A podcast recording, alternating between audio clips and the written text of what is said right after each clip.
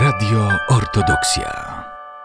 Witam wszystkich serdecznie, sława Jezusu Chrystu. Kolejne spotkanie Wielkopostnej Wszechnicy, czwarte. E, mm, Temat wciąż ten sam. E, Wydaje się, że e, mm, o wierze, mm, o potrzebie wiary można by było powiedzieć krótko i zakończyć temat, ale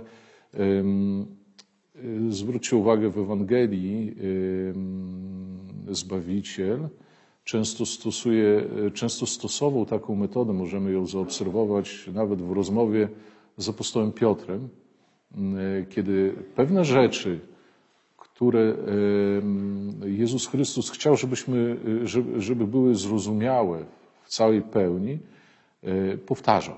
Jest taka rozmowa z apostołem Piotrem, przywrócenie e, Piotra do grona apostołów.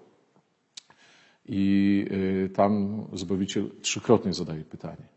I po pierwszym pytaniu pada szybko odpowiedź, po drugim pytaniu pada szybko odpowiedź, a po trzecim pytaniu tam jest w Ewangelii y, zapisane tak bardzo subtelnie i Piotr zrozumiał. I wtedy odpowiedział, ale tak jakby w pełni świadomie. Czyli my często odpowiadamy też z automatu, tak? I e, bardziej e, cenną jest taka odpowiedź e, e, przemyślana, świadoma, głęboka. I tak samo jest z wiarą. Jeżeli powiem, zadamy sobie pytanie, czy wierzyć, czy nie, to każdy, kto przychodzi na nasze spotkania, czy kto ogląda, powie, no oczywiście, że tak. Tak, z automatu. A jeżeli czasami głębiej się pozastanawiamy, to mam nadzieję, że znów będzie to ta sama odpowiedź, natomiast y, będzie ona zawierała i plusy, i minusy, będziemy rozumieli różne aspekty tej wiary. I dlatego tak y, na czynniki pierwsze, tak, dlatego tak e, przyciągle, tak jak ten okres Wielkiego Postu trwa e, w tradycji prawosławnej długo, tak samo i e, długo niech ten temat przebrzmiewa. E, A być może e, ktoś e, z nas uzyska jakieś swoje własne obserwacje dotyczące swojej wiary czy, czy, czy zgłębi. Niemniej jednak, zanim przejdziemy, mam propozycję na następne spotkanie za tydzień. Spotkanie takie podsumowujące. Mam nadzieję, że dojdziemy do końca i będziemy już na tym uniwersytecie. I chciałbym tutaj zaproponować e, też wymianę e, poglądów, to znaczy pytania i odpowiedzi. Więc jeżeli jesteście tym zainteresowani, to możemy, e, czekam przed spotkaniem osób, osoby, które przychodzą na spotkanie, może żeby było łatwiej technicznie, żeby na kartkach. Jeżeli ktoś jest, ma jakieś pytanie, to można karteczki zostawić przed spotkaniem i e, na te pytania spróbujemy, mm, no spróbuję ja odpowiedzieć, ewentualnie spróbujemy podyskutować. Natomiast jeżeli ktoś nas będzie oglądał, będzie tutaj możliwość e, zadania pytania na żywo i jeżeli technicznie będzie to możliwe, to będę, będę się starał właśnie na te też pytanie e, odpowiedzieć. To będzie taka też informacja zwrotna, czy, czy temat jest potrzebny, czy tego typu spotkania przynoszą nam korzyść. A dzisiaj skończyliśmy spotkanie takim stwierdzeniem ostatnie, że uwierzyć to jedno, a utrzymać wiarę, zachować wiarę to drugie. E, często zdarzają się takie momenty, kiedy człowiek uwierzy, kiedy e, człowiek jest przekonany, że dzieje się coś, e, pojawia się jakaś relacja między nim a Bogiem, kiedy odczuwa czy łaskę Bożą, czy w jakiś sposób motywację ze strony Boga, czy Boże błogosławieństwo na jakiś uczynek, na jakieś na jakieś postępowanie. E, tylko, że e, często e, nawet to uczucie nie jest trwałe i możemy je utracić. Czasami wydaje się, że szczególnie kiedy uczestniczymy w ważnych duchowych wydarzeniach, na przykład w liturgii świątecznej, kiedy świętujemy zmartwychwstanie Chrystusa, kiedy, kiedy uczestniczymy w, w nabożeństwach Wielkiego Tygodnia, czy kiedy my przystępujemy po naszej skrusze, po pokajaniu, przystępujemy do Eucharystii, często czujemy nawet taką duchową euforię, czujemy się lekko, czujemy się dobrze. I zwróćcie uwagę, jak to uczucie, które czasem się pojawia i y, które wydaje się bardzo cenne, jak ono bardzo szybko y, gdzieś tam w tym y, powszednim życiu, w takiej codzienności zanika. Nawet nie wiemy kiedy, czy przechodząc przez cerkiewną bramę, czy wchodząc na klatkę do naszego mieszkania, czy wracając do pracy i zajmując się pracą, czy innymi rzeczami, gdzieś gdzieś y, to wszystko zostaje zasypane taką codziennością, codziennymi naszymi problemami, z którymi się stykamy, a być może nawet tych problemów y, codziennych po właśnie takich wydarzeniach świątecznych jest więcej niż zwykle. Tutaj przypomnę, ponieważ y, grono osób, które są tutaj na żywo, to e, dominanta jest tutaj płci pięknej, więc przypomnę takie wydarzenie jak na przykład coś, co dzieje się zazwyczaj na święta e, po liturgii świątecznej, czyli e, powiedzmy, czy to Boże Narodzenie, czy święto Zmartwychwstania, e, czyli no, na przykład wspólne spotkanie rodzinne, obiad rodzinny, tak jak te emocje bardzo szybko z tych duchowych przechodzą w zupełnie cielesne, tak, kiedy człowiek raz, że się przyjmuje wieloma rzeczami, dwa, że czasami dochodzą jakieś dodatkowe stresy i problemy takie natury ludzko-ludzkiej, kiedy gdzieś tam pojawiają się jakieś wymiany poglądów. Tak? I nie wiemy, kiedy ta e, atmosfera, e, którą wynieśliśmy z cerkwi, którą mieliśmy w sercu, gdzieś tam e, ulatuje. Wiele osób nawet mówi, że okres Wielkiego Postu i Wielkiego Tygodnia z, ze swoim tym spokojem, z pewną taką harmonią, z ascezą, e, z brakiem skupiania się na takich codziennych sprawach jest lżejszy do przejścia niż na przykład taki okres świąteczny, gdzie jest masa dodatkowych obowiązków. E, I to jest taki przykład naprawdę przyziemny, natomiast on chyba też doskonale wyjaśnia, o co chodzi z utrzymaniem pewnego stanu w sobie, że on jest no, bardzo kruchy. Y, tak jak wcześniej było mówione, człowiek jest tak skonstruowany, że y, najmniejsza cząstka, która go boli, wpływa na, na, na całość człowieka. Więc tak samo jest i w kwestiach emocji, które gdzieś tam pokładamy. Jeżeli skupiamy się na rzeczach duchowych, i nie mamy żadnych bodźców z zewnątrz, to jest nam łatwiej. Wystarczy, że na przykład podczas modlitwy y, pojawi się jakiś, nawet w świątyni podczas modlitwy, pojawi się jakiś y, impuls z zewnątrz y, i już widzimy, jak trudno nam się skupić, jak gdzieś tam wszystkie, ta nasza relacja z Bogiem, ta nasza sieć gdzieś tam się zrywa, tak? I zaczynamy mieć z tym problem. A więc y, dzisiaj troszeczkę o tym utrzymaniu. E, kto myśli o, właśnie o zachowaniu wiary, o, o tym y, utrzymaniu wiary w sobie? Na pewno ktoś, kto przeszedł już tą szkołę podstawową. Na pewno ktoś, kto poszedł już nieco dalej. Dlaczego? Bo w szkole podstawowej i y, generalnie młodzież, która poznaje naukę, uczy się, Uczy się często po to, żeby dostać dobrą ocenę, uczy się po to, żeby nie mieć jakichś zaległości, ale jeszcze nie umie tej zdobytej wiedzy poszczególnych na przykład działów, które musi zaliczyć, jakoś wspólnie przetworzyć i wspólnie wykorzystać. To na, na takiej metodzie zdać i zapomnieć, tak? Zdać i y, y, napisać klasówkę i uczyć się czegoś nowego i zapomnieć już o tym starym. Natomiast zwróćcie uwagę, im y, dzieci są starsze, uczniowie idą wyżej i dalej i na przykład pojawiają się w szkole średniej, często tą szkołę średnią wybierają nie dlatego, że każą rodzice, nie dlatego, że ktoś im to wskazuje, ale na przykład pojawia się już właśnie w szkole średniej, a szczególnie na studiach, już kiedy ludzie idą na uniwersytety, pojawia się taki, taka decyzja, że idę, wybieram określoną szkołę, bo ja chcę, ja czuję taką potrzebę, ja chcę się rozwijać. I oczywiście i studenci są e, tacy, którzy tylko chcą zakuć, zdać i zapomnieć. Natomiast e, w, tym, w tej grupie pojawiają się już osoby, które rozumieją, że uczą się dla samych siebie.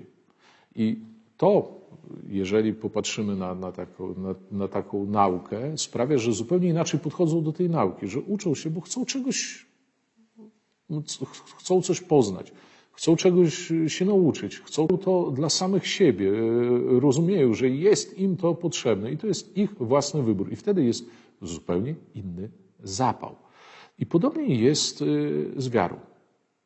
Można ją traktować jako taką potrzebną w chwilach kryzysu, Potrzebną, gdy grunt się pali pod nogami, potrzebną, gdy jest takie przysłowie przecież, tak? Jak trwoga, to do Boga.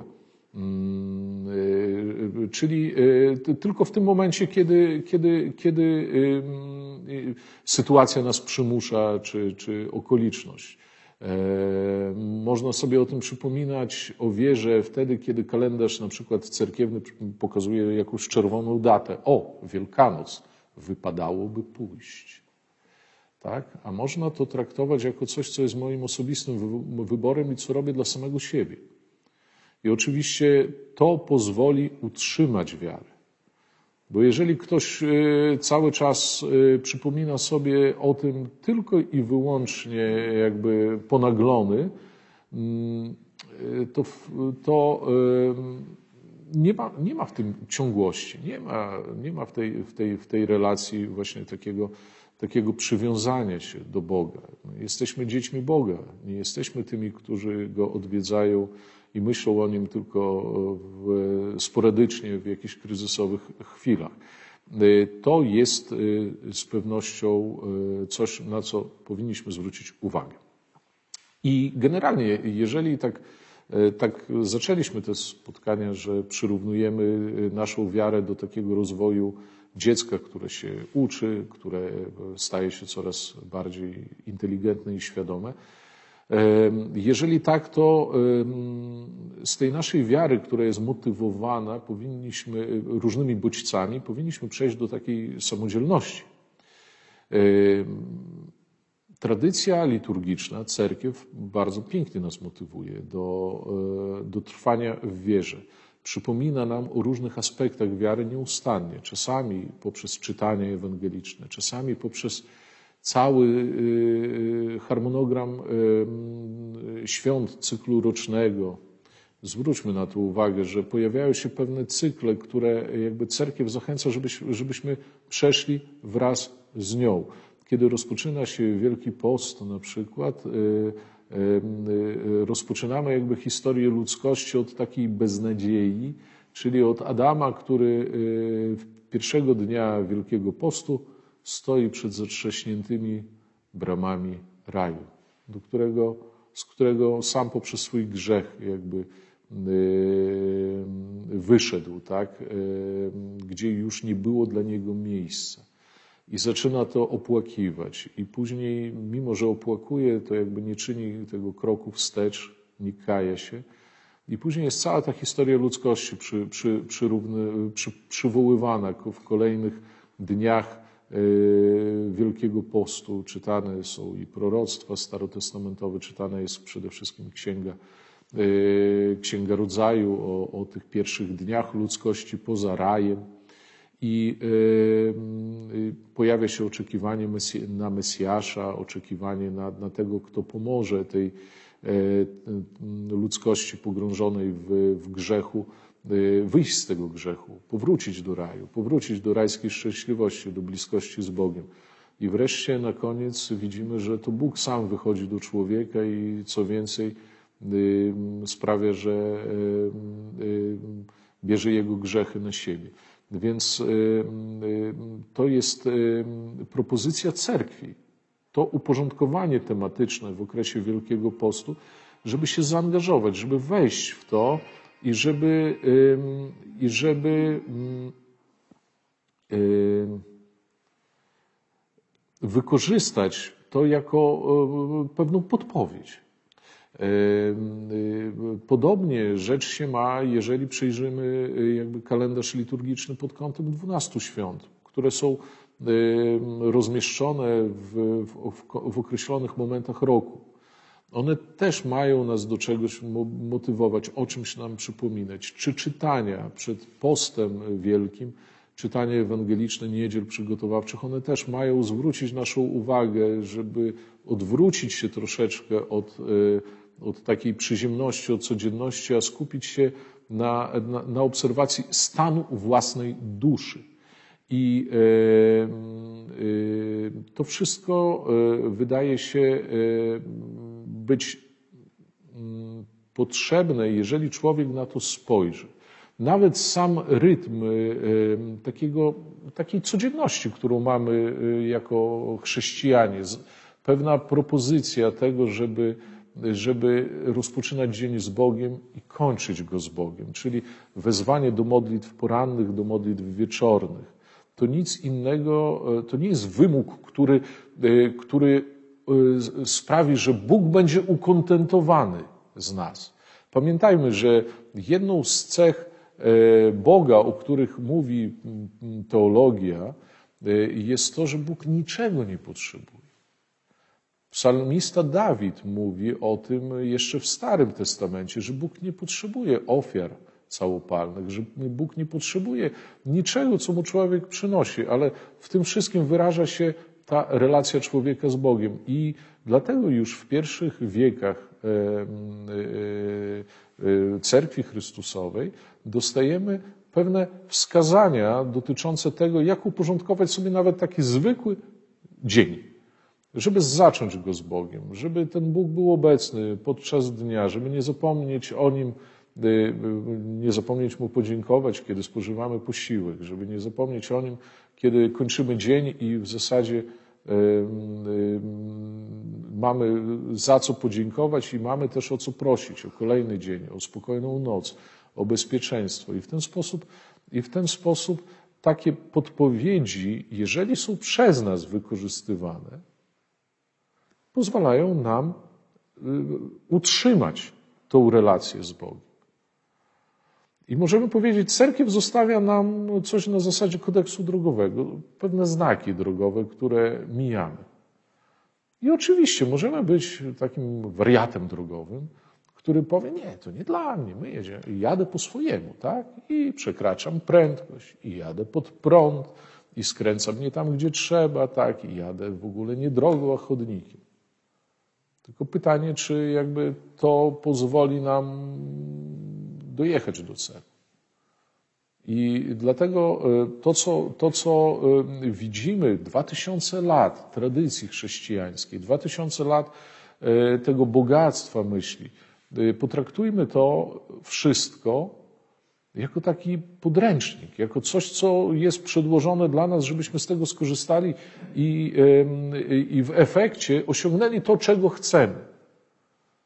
I tutaj znów wracamy do tego przykładu ze szkoły. Nauczyciel przecież nie chce dzieci męczyć w szkole. Nie po to on jest. Nie jest po to, żeby się go bano. On chce tak naprawdę czegoś te dzieci nauczyć. A często z drugiej strony właśnie dzieci małe tak odbierają nauczyciela, ale surowy. Muszę się nauczyć, bo mnie spyta i dostanę jedynkę, albo będzie krzyczał, albo będzie smutna pani i tak dalej, i tak dalej. Tak? Odbiera, e, odbiera się te wskazania jako wymóg nauczyciela. I tu ja często jakby przyrównuję w tym momencie osoby, które sprawują modlitwy, czy prowadzą nauczanie w cerkwi, duchownych, mnichów, właśnie do takich nauczycieli. To jest tylko przekazanie pewnej, pewnej mądrości cerkwi, a przede wszystkim przykazań i, i, i prawd Bożych. Mądry człowiek skorzysta, mądry człowiek to wykorzysta. Natomiast ten, który nie ma takiej chęci, nie zostanie do tego zmuszony. Przed laty pojawiła się taka dyskusja e, wywołana gdzieś tam w Europie Zachodniej e, e, różnymi sytuacjami, dyskusja o tym, czy Kościół katolicki posiada procedury odejścia kogoś ze wspólnoty wiary, jakiegoś wyjścia, opuszczenia tej wspólnoty wiary. E, czy jest jakiś taki formalny y, proces. No i okazało się, że, że tak, że Kościół rzymskokatolicki ma taką formę apostazji. E, I e, wkrótce pojawił się ten sam, to samo pytanie pojawiło się skierowane w stosunku do cerkwi prawosławnej. I odpowiedź hierarchów naszej cerkwi była prosta. Nie mamy. Nie ma czegoś takiego. Człowiek swoim postępowaniem, swoimi, swoją relacją z Bogiem albo potwierdza swoją przynależność do cerkwi, albo się od niej odłącza.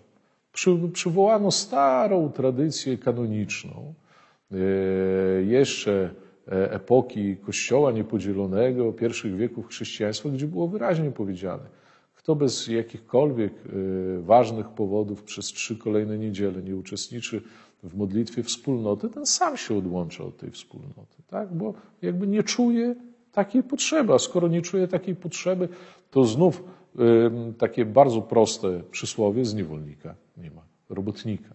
Więc y, w tym momencie nie trzeba żadnego formalnego aktu y, apostazji, wystarczy to, że człowiek po prostu sam z tego rezygnuje i sam jakby y, odłącza się od wspólnoty. Co więcej, na dobrą sprawę cerkiew bardzo wyraźnie mówi, że każdy grzech nas odłącza od wspólnoty. Y, I dlatego w sakramencie pokajania podczas spowiedzi duchowny nad każdą osobą, która spowiada się, Y, odczytuje na zakończenie modlitwę skierowaną do Boga, w której mówi «Примири и соедини Его, święciej Twojej cerkwi. Pogódź Go i pojednaj, zjednocz Go ze świętą Twoją cerkwią». Czyli traktuje grzesznika jako tego, który poprzez grzech odłączył się od tej cerkwi sam, sam dokonał tego wyboru. I tutaj kryje się w, w tych naszych Y, rozważaniach bardzo istotna sprawa, że y, żeby zachować wiarę, trzeba przede wszystkim chcieć tego. I, a żeby, i, i, żeby, I żeby zachować wiarę, trzeba też ją podtrzymywać. To musi być aktywne. I dlatego jakby cerkiew znając nasze słabości i, przez, i mając tą mądrość tych, y, tych pokoleń, Y, właśnie w ten sposób nas angażuje, że, żeby cyklicznie nas, nam o pewnych rzeczach przypominać. Dlatego y, każda niedziela jest dla nas tym dniem, kiedy, kiedy y, ten aspekt naszej wiary budzi się po, po, po dniach powszednich i oczekujemy od siebie, że ten dzień spędzimy inaczej niż inne. Idealnie by było, żeby każdy dzień był dla nas jak niedziela, żebyśmy każdego dnia e, poświęcali tyle czasu na modlitwę, co, co na przykład w niedzielę, czy na modlitwę wspólnotową. E, ale e, cerkiew zna nasze słabości, dlatego co siódmy dzień. Dlatego co, co, co mm, pewien czas pojawiają się posty, tak, cykliczne, tygodniowe, w środy i w piątki, tak, każdego tygodnia i y, równie cykliczne, sezonowe, e, wielodniowe posty, które mają nas pobudzić znów do działania, czasami obudzić z tej takiej apatii i, i z takiego e, spowszednienia. To są rzeczy, którymi my możemy y, się karmić. Jeżeli nie pamiętamy o Bogu cały dzień, to dobrze, żebyśmy chociaż wieczorem, na koniec dnia o Nim sobie przypomnieli i ten y, reżim modlitw porannych i wieczornych też nam o tym wszystkim przypomina. Tak? Nawet nasze, nasze chwilowe uspokojenie się w tym codziennym rozgardiaszu i skupienie się e, na tym, że za chwilę dzień mój się kończy, chciałbym się pomodlić, to też jest w tym momencie troszeczkę prowokowanie nas do tego, żeby y, znów pomyśleć o Bogu. I zaczynamy o nim myśleć jeszcze przed modlitwą. Bo sama nasza decyzja o tym, że staniemy na modlitwę, że się pomodlimy, jest już myślą o Bogu. A później tą myśl przekuwamy w działanie. Modlitwa jest już naszym działaniem, ale myśl pojawia się wcześniej. Równie często z tą myślą pojawia się pokusa. A może dłużej telewizor pooglądać, tak? A może coś jeszcze zrobić, a może wcześniej pójść spać i tak dalej. Pojawiają się wymówki, a może y, przecież jestem zmęczony, dzisiaj więcej robiłem, więc może krótsza ta modlitwa niech będzie i tak dalej. Przecież mm, źle się czuję. No, każdy z nas ma swój własny pakiet wymówek, nie chcą tutaj podpowiadać, więc, y, więc ale y, jakby obraz ten chyba jest jasny. Cerkiew też liczy na to, że coś, co się rodzi w naszym sercu, będzie kultywowane. Tak jak y, z, z relacją małżeńską. W sakramencie małżeństwa bardzo często o tym jest mowa w modlitwach, w całym rycie, w przygotowaniu do sakramentu małżeństwa. Że sam sakrament małżeństwa to jest pewien akt błogosławieństwa Bożego dla y, małżonków, którzy, przyszłych małżonków, tak, narzeczonych, którzy o to proszą Boga. Jest to akt bardzo ważny, niezwykle podniosły i uroczysty.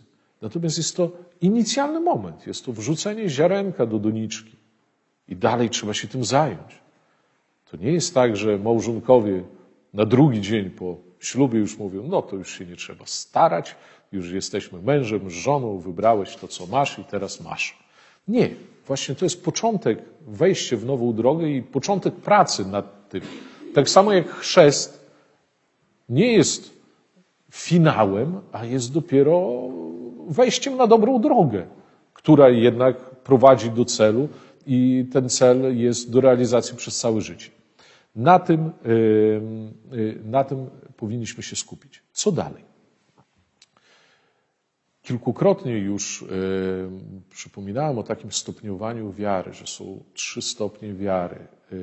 Wiara niewolnika, wiara najemnika i wiara syna. Im dalej w edukacji, tym dochodzimy do wniosku, że nie musimy się bać złych ocen. I w szkole uczeń przestaje się bać złych ocen i nie uczy się tylko dlatego, żeby nie dostać jedynki. No może niektórzy e, e, przez, przez dłużej niż inni zachowują tak, taki lęk, ale jeżeli już przejdziemy do szkoły średniej czy pójdziemy na studia, to okazuje się, że te oceny już nie mają takiego znaczenia i na pewno się studenci, uczniowie nie boją tych ocen. Tak samo jest z wiarą. Nie, nie, nie wierzymy dlatego, że boimy się Boga, że nas ukaże, za niechodzenie do świątyni w niedzielę, za niepomaganie ludzi. Rozumiemy, że Wiara chrześcijańska jest głębsza niż to. E, najemnik liczy na nagrodę.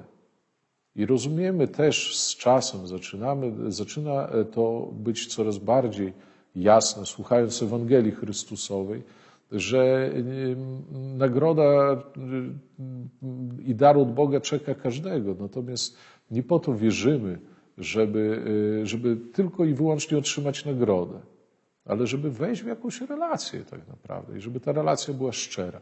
I tu się pojawia dążenie do tego, żeby w sobie zbudować tą wiarę dziecka Bożego. Tak jak Orygenes mówił, wiarę syna. I nawet jeżeli się ta pojawia wiara syna, czyli zaczynamy wierzyć w Boga dlatego, że jest blisko nas, dlatego, że tak nas ukochał, dlatego, że tak w nas On wierzy, widząc nasze słabości i tak dał się ukrzyżować. Widząc, jak często zmieniamy zdanie i tak nie przestał nas kochać. Widząc, jak często jesteśmy y, skupieni tylko na sobie samym, wie, że tak naprawdę stać nas na więcej. Więc jak nie, nie uwierzyć w takiego Boga? Ale nawet jeżeli pojawia się ta wiara syna, o której mówił Orygenes, przy czym proszę tutaj, żebyśmy też mieli taką świadomość pewnej pokory w ocenianiu jakimkolwiek, przynajmniej swojej wiary. Już nie mówiąc o ocenianiu wiary kogokolwiek innego, bo to jest niezwykle e, niebezpieczna e, tendencja, żeby próbować oceniać czyjąkolwiek wiarę. A nawet do, ocenia, do ocenienia, do charakterystyki swojej wiary podchodzić należy z ostrożnością. Czasem pojawia się zbytnia pycha, czasem pojawia się niedocenienie talentów, które Bóg w każdym z nas e, schował, skrył. I często, często narzekamy na swój brak wiary, podczas gdy nie mamy takich podstaw poza, poza e, taką skromnością. Więc jeżeli jest wiara syna, już nie mówię, czy ktokolwiek ją osiągnął, ale ona jest też od samego początku wystawiona na pokusy. To nie jest tak, że osiągnąwszy jakiś stopień wiary, powiemy sobie, e, dobrze, już tam jestem i tego nie stracę. Można to stracić. E, wiara, wiara, nawet jeżeli jest tu wiarą przepełnioną miłością, bez lęku, bez chęci jakiegokolwiek zysku, jest wystawiona na, moim zdaniem, dwie podstawowe pokusy. Pierwsza to właśnie wiara w to, że ta wiara jest statyczna. Raz osiągnięta trwa na wieki. Błąd. Wiara to nie dyplom. Wiara to nie świadectwo. Yy, ważne jest, co jest dalej. Druga kwestia, która się pojawia, yy, jeżeli, się, jeżeli czujemy tą wiarę, to ona jest wystawiona na następującą pokusę. Pokazywany jest nam, obserwujemy świat, który jest naokoło nas. I co zauważamy? Niedoskonały świat, niedoskonali ludzie. Znów błąd. E, modyfikujemy źródło, zamieniając je pewnym substytutem, zamiennikiem, e, ludźmi, przeczuciem, samym sobą. Oceniamy nie wiarę, a oceniamy e, otaczający nas świat i patrzymy na to i dochodzimy do wniosku, skoro świat jest niedoskonały, dlaczego ja wierzę w doskonałego Boga? To jest błąd. Bo ten świat niedoskonały, my niedoskonali, inni ludzie niedoskonali, to nie jest źródło, to nie jest ta wiara, z którą się, wiara w Boga i to nie jest Bóg, z którym się kontaktujemy. E, e, przykłady. Pokładam nadzieję, mam taką swoją wiarę, podkładam nadzieję zamiast w Boga. E, pokładam nadzieję w planety, przyrodę, w świat. Są współcześni filozofowie i młodsi i starsi, którzy właśnie tak bardzo enigmatycznie mówią, a ja wierzę w przyrodę, a ja wierzę w cały świat, a ja wierzę, że gdzieś tam dobro jest jakimś tam pierwiastkiem i jest w każdym z nas. Mm, są tacy, którzy na przykład obserwują morze albo wulkan i interpretują na to we właściwy sobie sposób, używając własnych zasad i kryterii. Y, jeżeli wulkan wybuchnie, to będzie to oznaczało dla mnie coś. Jeżeli nie wybuchnie, coś innego. Ja sobie sam to ustalam. Taka moja obserwacja czegokolwiek. To też nie jest wiara. To nie jest wiara w Boga. To jest pewna, e, pewien zakład bardziej. Pewien mój konstrukt myślowy. To, co ja sobie sam Y, wymyśliłem. W przeciwieństwie do wiary w Boga, która jest tą relacją, w której, jak widzicie, y, Bóg poprzez wieki objawiał nam, co jest prawdą, a co fałszem, co jest dobre, a co złe, co jest mądre i w co warto się zaangażować, a co jest nic nie warte. Zwróćcie uwagę, pierwsze mowy Jezusa Chrystusa w Ewangeliach, kiedy powołał On swoich uczniów, kiedy zaczął On mówić im o rzeczach y, wiecznych, ważnych i o rzeczach nieważnych. Szczególnie w Ewangelii Jana to bardzo pięknie jest skomponowane, kolejne rozdziały, kolejne rozmowy e, ewangelisty Jana, Jezusa Chrystusa zapisane przez ewangelistę Jana, gdzie rozmawia z Samarytanką o wodzie, że no jest woda. I my ją pijemy i znów jesteśmy spragnieni i szukamy jej więcej i musimy, i, i musimy ją pić i, i, i jakby zaspokaja nas E, tymczasowo, jest e, taką e, niedoskonałą formą zaspokojenia potrzeby, aczkolwiek bardzo potrzebną ludziom. A Zbawiciel mówi, ja jestem wodą żywą, którą kiedy ktoś pozna, nie będzie pragnął na wieki. Później jest tak samo mowa o chlebie, zwykłym chlebie, który zaspokaja głód, ale też nie na zawsze. I jest chleb życia, którym jest Jezus Chrystus. Jest mowa o błogosławieństwach. E, Zbawiciel od samego początku, zwróćcie uwagę, odwraca ludzi od spraw przemijających, przyziemnych, od jakichś bogactw, od jakiejś sławy, od jakiegoś chełpienia się, od wywyższania się, a mówi tak naprawdę szczęśliwi i błogosławieni kto będzie. I słynne błogosławieństwa Zbawiciela, e, kazanie na górze, kiedy, kiedy mówi on o tym właśnie, w czym tkwi szczęście prawdziwe, o to jest zwracanie uwagi na rzeczy ważne. I oczywiście w tym, e, w tym że Zbawiciel e, porównuje rzeczy te przyziemne i rzeczy wieczne, tkwi jedna prawda, że człowiek może się i na tym skupić, i na tym skupić.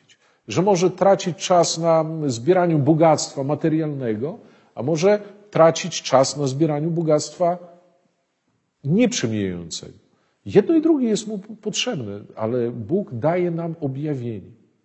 W przeciwieństwie do przyrody, w przeciwieństwie do jakichkolwiek zjawisk, które e, my możemy obserwować. One nie dają nam objawienia, one nas nie uczą, one nie pozwalają nam odróżnić, co jest dobre, a co złe. Nie zmieniają nas, nie rozwijają. I tyle.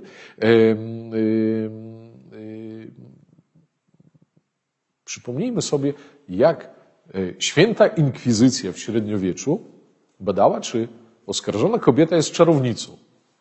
Mieli rewelacyjny test. Wiązali kobietę i wrzucali ją do rzeki. Jak utonęła, to znaczy, że nie była czarownicą. A jak wypłynęła na wierzch, to znaczy, że była czarownicą i wtedy spalano ją na stosie. Rewelacyjnie. Tak? E, w ten sposób my możemy obserwować przyrodę i wyciągnąć, tak jak inkwizycja, swoje własne wnioski. Tylko czy one będą mądre? Tutaj trzeba zadać sobie pytanie. E, to nie może być nazwane wiarą. To, co często teraz mm, y, spotykamy w świecie naokoło nas, właśnie takie y, dzielenie się y, różnymi wariantami wiary. My często kurtuazyjnie akceptujemy takie formy. E, człowiek jest stworzeniem wolnym. Jeżeli wierzy w kamień, nie mamy wpływu na, na, na takiego człowieka. Nie możemy go tutaj ani wyśmiać, ani skrytykować. W zasadzie nie powinniśmy.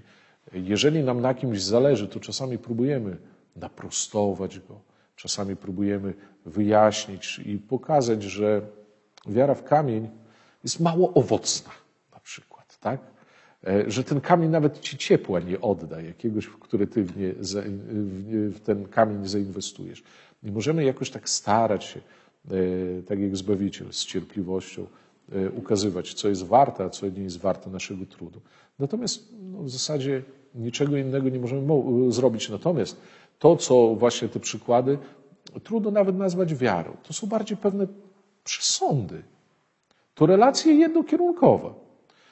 Daremnie spodziewać się e, reakcji,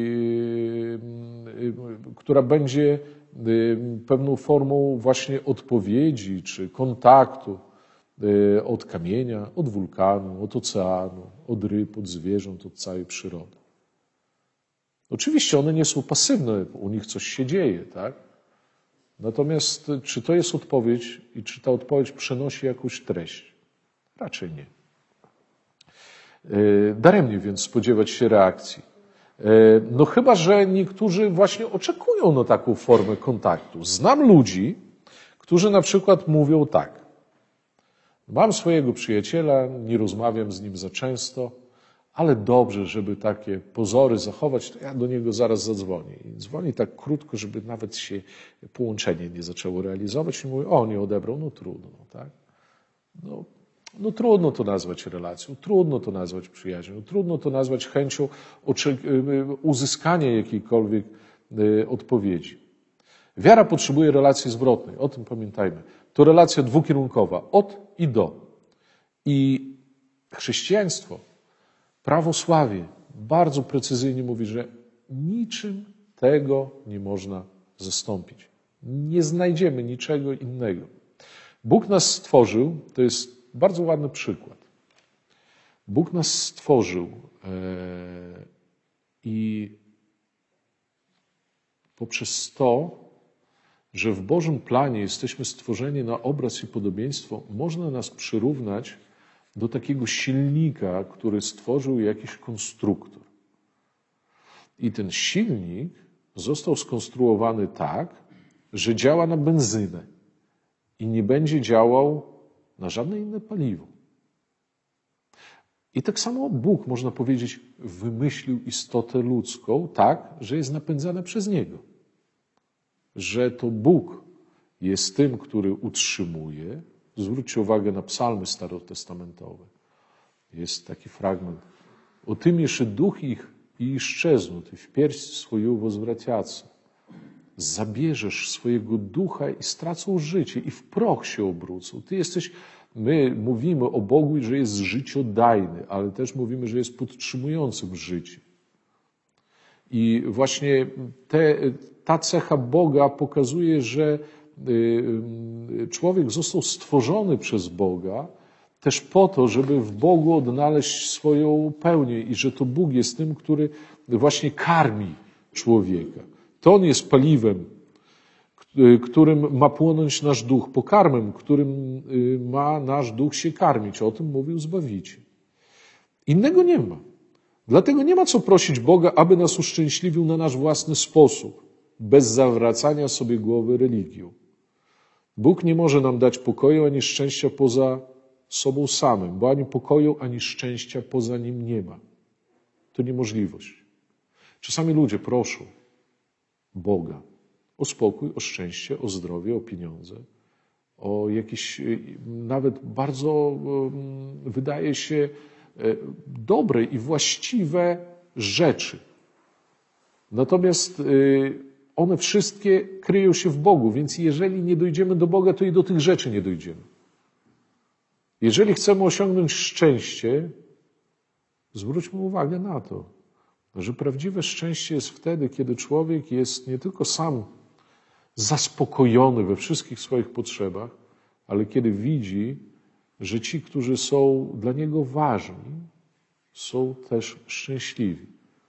Nikt nie będzie się cieszył, siedząc w pałacu, wiedząc, że jego brat, siostra, mama, syn jest na przykład w więzieniu. Tak? Nikt jakby tego, te, te szczęście nawet materialne, te szczęście doczesne, sława, cokolwiek, wszystko to blaknie, jeżeli widzimy wokół siebie nieszczęście. I Zbawiciel y, y, o tym mówi, jakby przywołując obraz Królestwa Bożego, gdzie wszyscy odnajdą szczęście i, i, i w tym doczesnym świecie Osiągnąć prawdziwe szczęście jest niemożliwe, jest trudne i dlatego my zmierzamy do tego szczęścia, natomiast ono w pełni pojawi się dopiero u miłosiernego Boga przy umiłowanych braciach i siostrach. I problem jest wtedy, kiedy człowiek mówi: Nie, nie, ja chcę szczęścia, ale bez umiłowanego Boga, a tym bardziej bez umiłowanych braci i sióstr. Na, na nich mam alergię.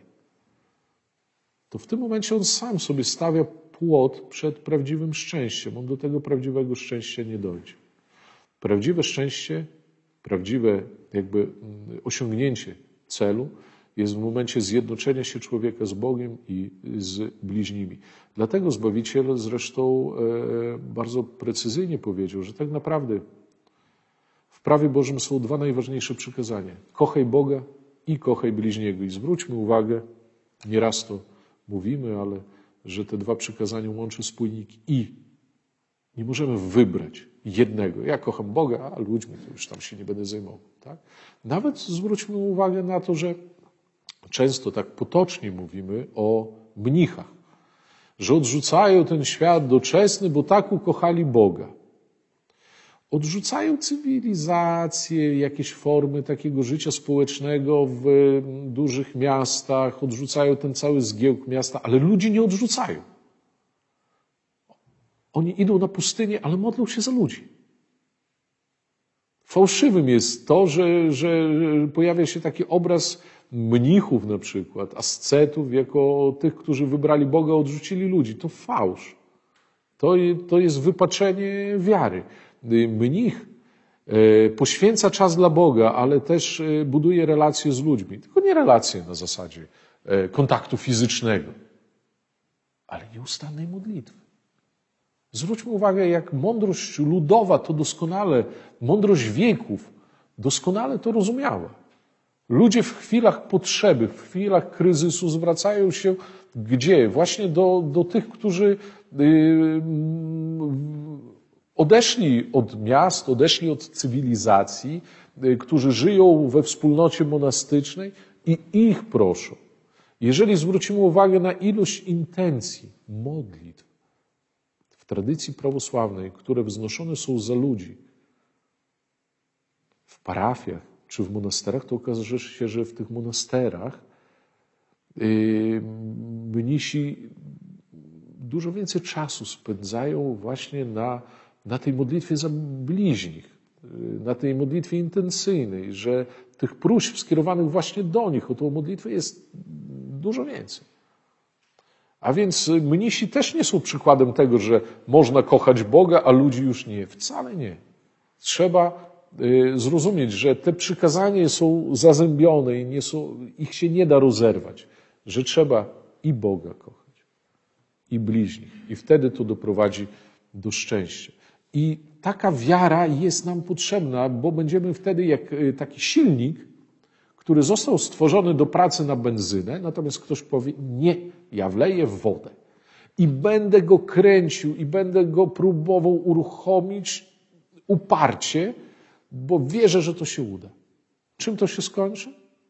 Stratą czasu, zepsuciem być może silnika i niczym więcej, prawda?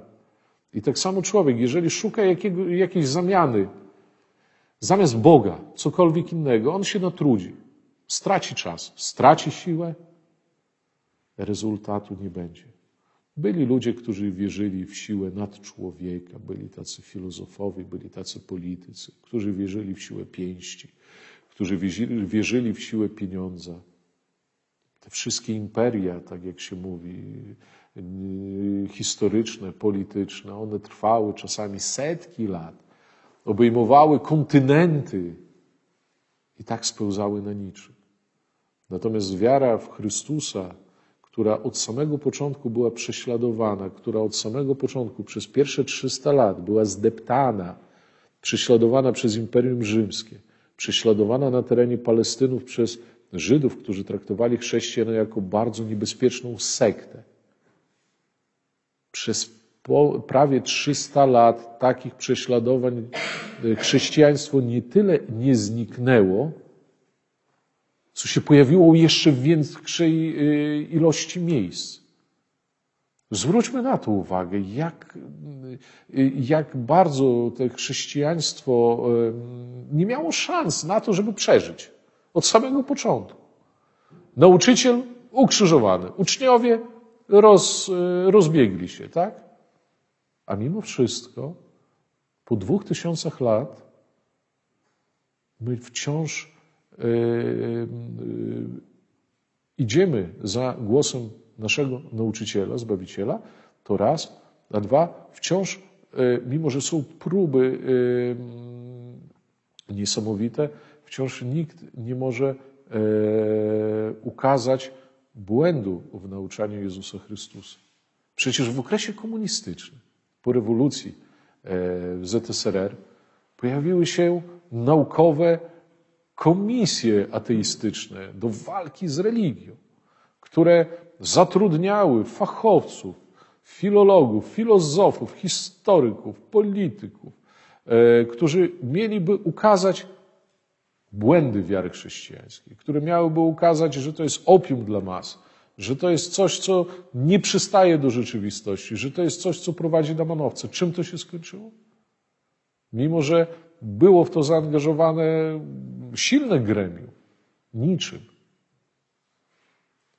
I z tej perspektywy, jak utrzymać wiarę, odpowiedź najprostsza jest taka: zrozumieć, że niczego innego nam nie pozostaje niż uwierzyć w Boga.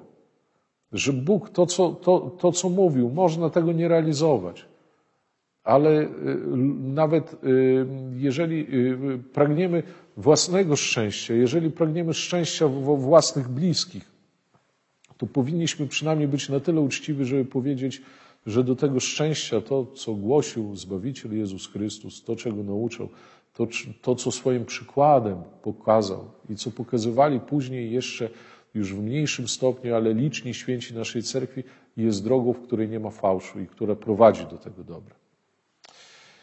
Oto klucz y, do y, historii. Y, wracając do tego silnika jeszcze na sekundkę.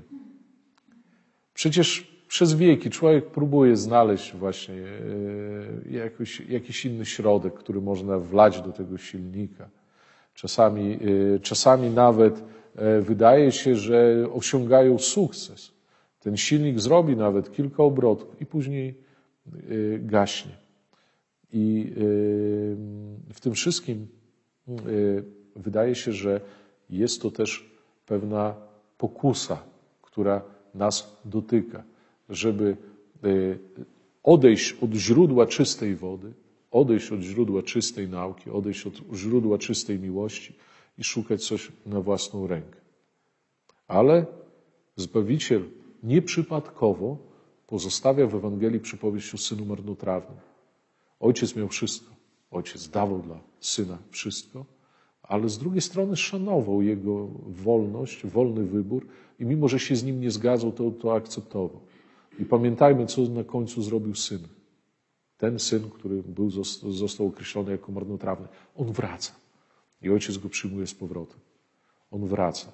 No to I myślę, że y, ludzkie grzechy i słabości to każdorazowo jest taka wyprawa syna marnotrawnego na własne konto. Każdego z nas. My za każdym razem, kiedy grzeszymy, mówimy, nie Boże, nie według Twoich zasad, a ja to zrobię po swojemu. I za każdym razem chyba jednak wracamy. Jak w tej naszej wierze ktoś nam może pomóc? Przede wszystkim Bóg nam pomaga. O cerkwi troszeczkę już powiedziałem, o tych takich praktycznych klocuszkach, które cerkiew nam podrzuca, żebyśmy sobie przypominali o tym, co ważne, a nie skupiali się na tym, co nieważne. E, a jak nam Bóg pomaga? Przede wszystkim pozostawił nam sumienie, wyczucie dobra i zła. I w dziejach zawsze pojawiali się ludzie, którzy y, starali się nieraz bardzo usilnie słuchać własnego sumienia. Oczywiście nikomu się nie udaje to do końca, tylko i wyłącznie bazować na własnym sumieniu. To jest niezwykle trudne. Ale y, czasami y, też pojawiają się pewne podpowiedzi kierowane właśnie przez Boga nam. Zwróćcie uwagę, dwa tysiące lat chrześcijaństwa. Ile razy w tej historii słyszymy o boskich interwencjach? Lokalnych, bardziej globalnych. Dlaczego cerkiew wspomina na przykład prawosławna święto opieki Matki Bożej? No właśnie dlatego, że y, w, y, w Konstantynopolu zdarzyło się coś, co y, lokalna społeczność jednoznacznie wskazała jako Bożą interwencję. Dlaczego wspomina się w ogóle, dlaczego w kalendarzu liturgicznym Dzień Pamięci Archanioła Michała jest ustawiony w, określonym, w określonej dacie i czasami jest tam po przecinku napisane na wspomnienie cudu świętego Archanioła Michała w Honach. Dlaczego? Bo też to ludzie odebrali jako Bożą interwencję. Dlaczego mnisi na przykład pośród y, różnych y, kotlin, gór, y, niedostępnych miejsc wybrali jakiś półwysep w Grecji i, i, i nazwali to miejscem Najświętszej Bóg-Rodzicy? Bo też w historii pojawia się to objawienie. Dlaczego podczas epidemii gdzieś tutaj na Podlasiu ludzie ciągnęli e, do jakiegoś źródełka wody, żeby się, żeby się tam pomodlić i napić, tak? Bo też odczuli to jako pewnego rodzaju objawienie. Grabarka, istocznik, tak? Spascelitiel. Zwróćcie uwagę, tych, nie tylko sumienie nam zostaje, ale zostają czasami Boże podpowiedzi, które da, da, dane nam są w odpowiednich momentach. I czytając hagiografię, czytając żywoty świętych, czytając historię poszczególnych cerkwi, y, zagłębiając się w to, no nie sposób nie zauważyć tego. Czasami jest to jakby człowiek się z tym spotyka nie licząc na to. A czasami wręcz przeciwnie, ludzie głębokiej wiary proszą Boga o znak, proszą Boga o ukierunkowanie. Jak pojawił się monaster y, świętego Onufrego w Jabłecznej? Mnisi nad brzegiem, y, tak, y, spuścili ikonę. Jak pojawia się monaster w Suprasiu? Tak samo, krzyż na rzece, tak? Mnisi proszą Boga, żeby wskazał miejsce, w którym mają rozpocząć swoje życie i kierują się tym, widząc w tym Boży znak, Bożą podpowiedź. Oczywiście można się tego nie słuchać, tak jak można się nie słuchać przykazem. Natomiast y, najistotniejsze jest to, że y, Bóg nie pozostawia nas samych. I często nawet nasza indywidualna modlitwa w cerkwi spotyka się z pewną odpowiedzią, której jesteśmy, która gdzieś tam zaczyna nam kiełkować w sercu, w głowie, w umyśle. Kiedy wchodząc do cerkwi, e, często e, być może w naszym sercu tkwi gorycz, smutek, e, brak jakiejś alternatywy, a kiedy wychodząc pojawiają się jakieś promyki słońca i odpowiedzi. Czy to nie jest Boży palec? Czy to nie jest Boże objawienie? Kończymy szkołę średnią i trzeba by było zdać maturę. I matura na czym polega tak naprawdę w życiu duchowym? Na uświadomieniu sobie, że wierzymy, bo sami tego chcemy i potrzebujemy. Że robimy to dla naszego własnego dobra. Nie zadowalamy tym Boga. Nie sprawiamy, że jest bardziej uśmiechnięty, czy bardziej nas kocha, bo i tak kocha nas bezgranicznie. E, robimy to dlatego, że chcemy dalej pogłębiać relacje, które buduje wiarę. To tak jak w prawdziwej miłości. Im bardziej kochamy drugą osobę, tym chcemy być bliżej spotykać się częściej, dzielić się tym, co nowe, pogłębiać relacje. Czy patrząc na ten dotychczasowy proces omówionej w cudzysłowie edukacji i przyrównując ją do rzeczywistej edukacji, możemy wyciągnąć jakiś mądry wniosek na zakończenie dzisiejszego spotkania? Wydaje mi się, że tak. Nie można pozostać takim samym człowiekiem, jak na początku tego procesu. Tak jak małe dziecko, które idzie do przedszkola. Jeżeli na takim samym poziomie skończy maturę, to wydaje nam się to niemożliwe.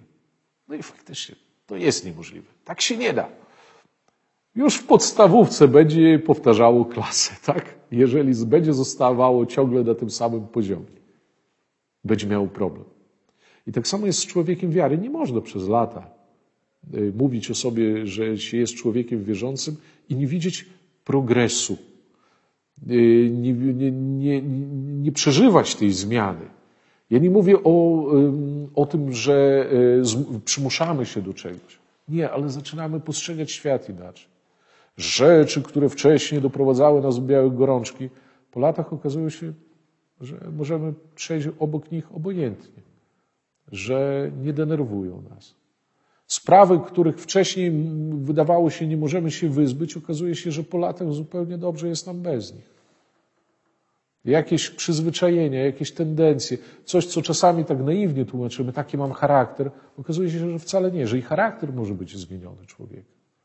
I człowiek, który był oschły, który był kłótliwy, który był marudny, raptownie staje się optymistyczny, raptownie staje się otwarty. Tak?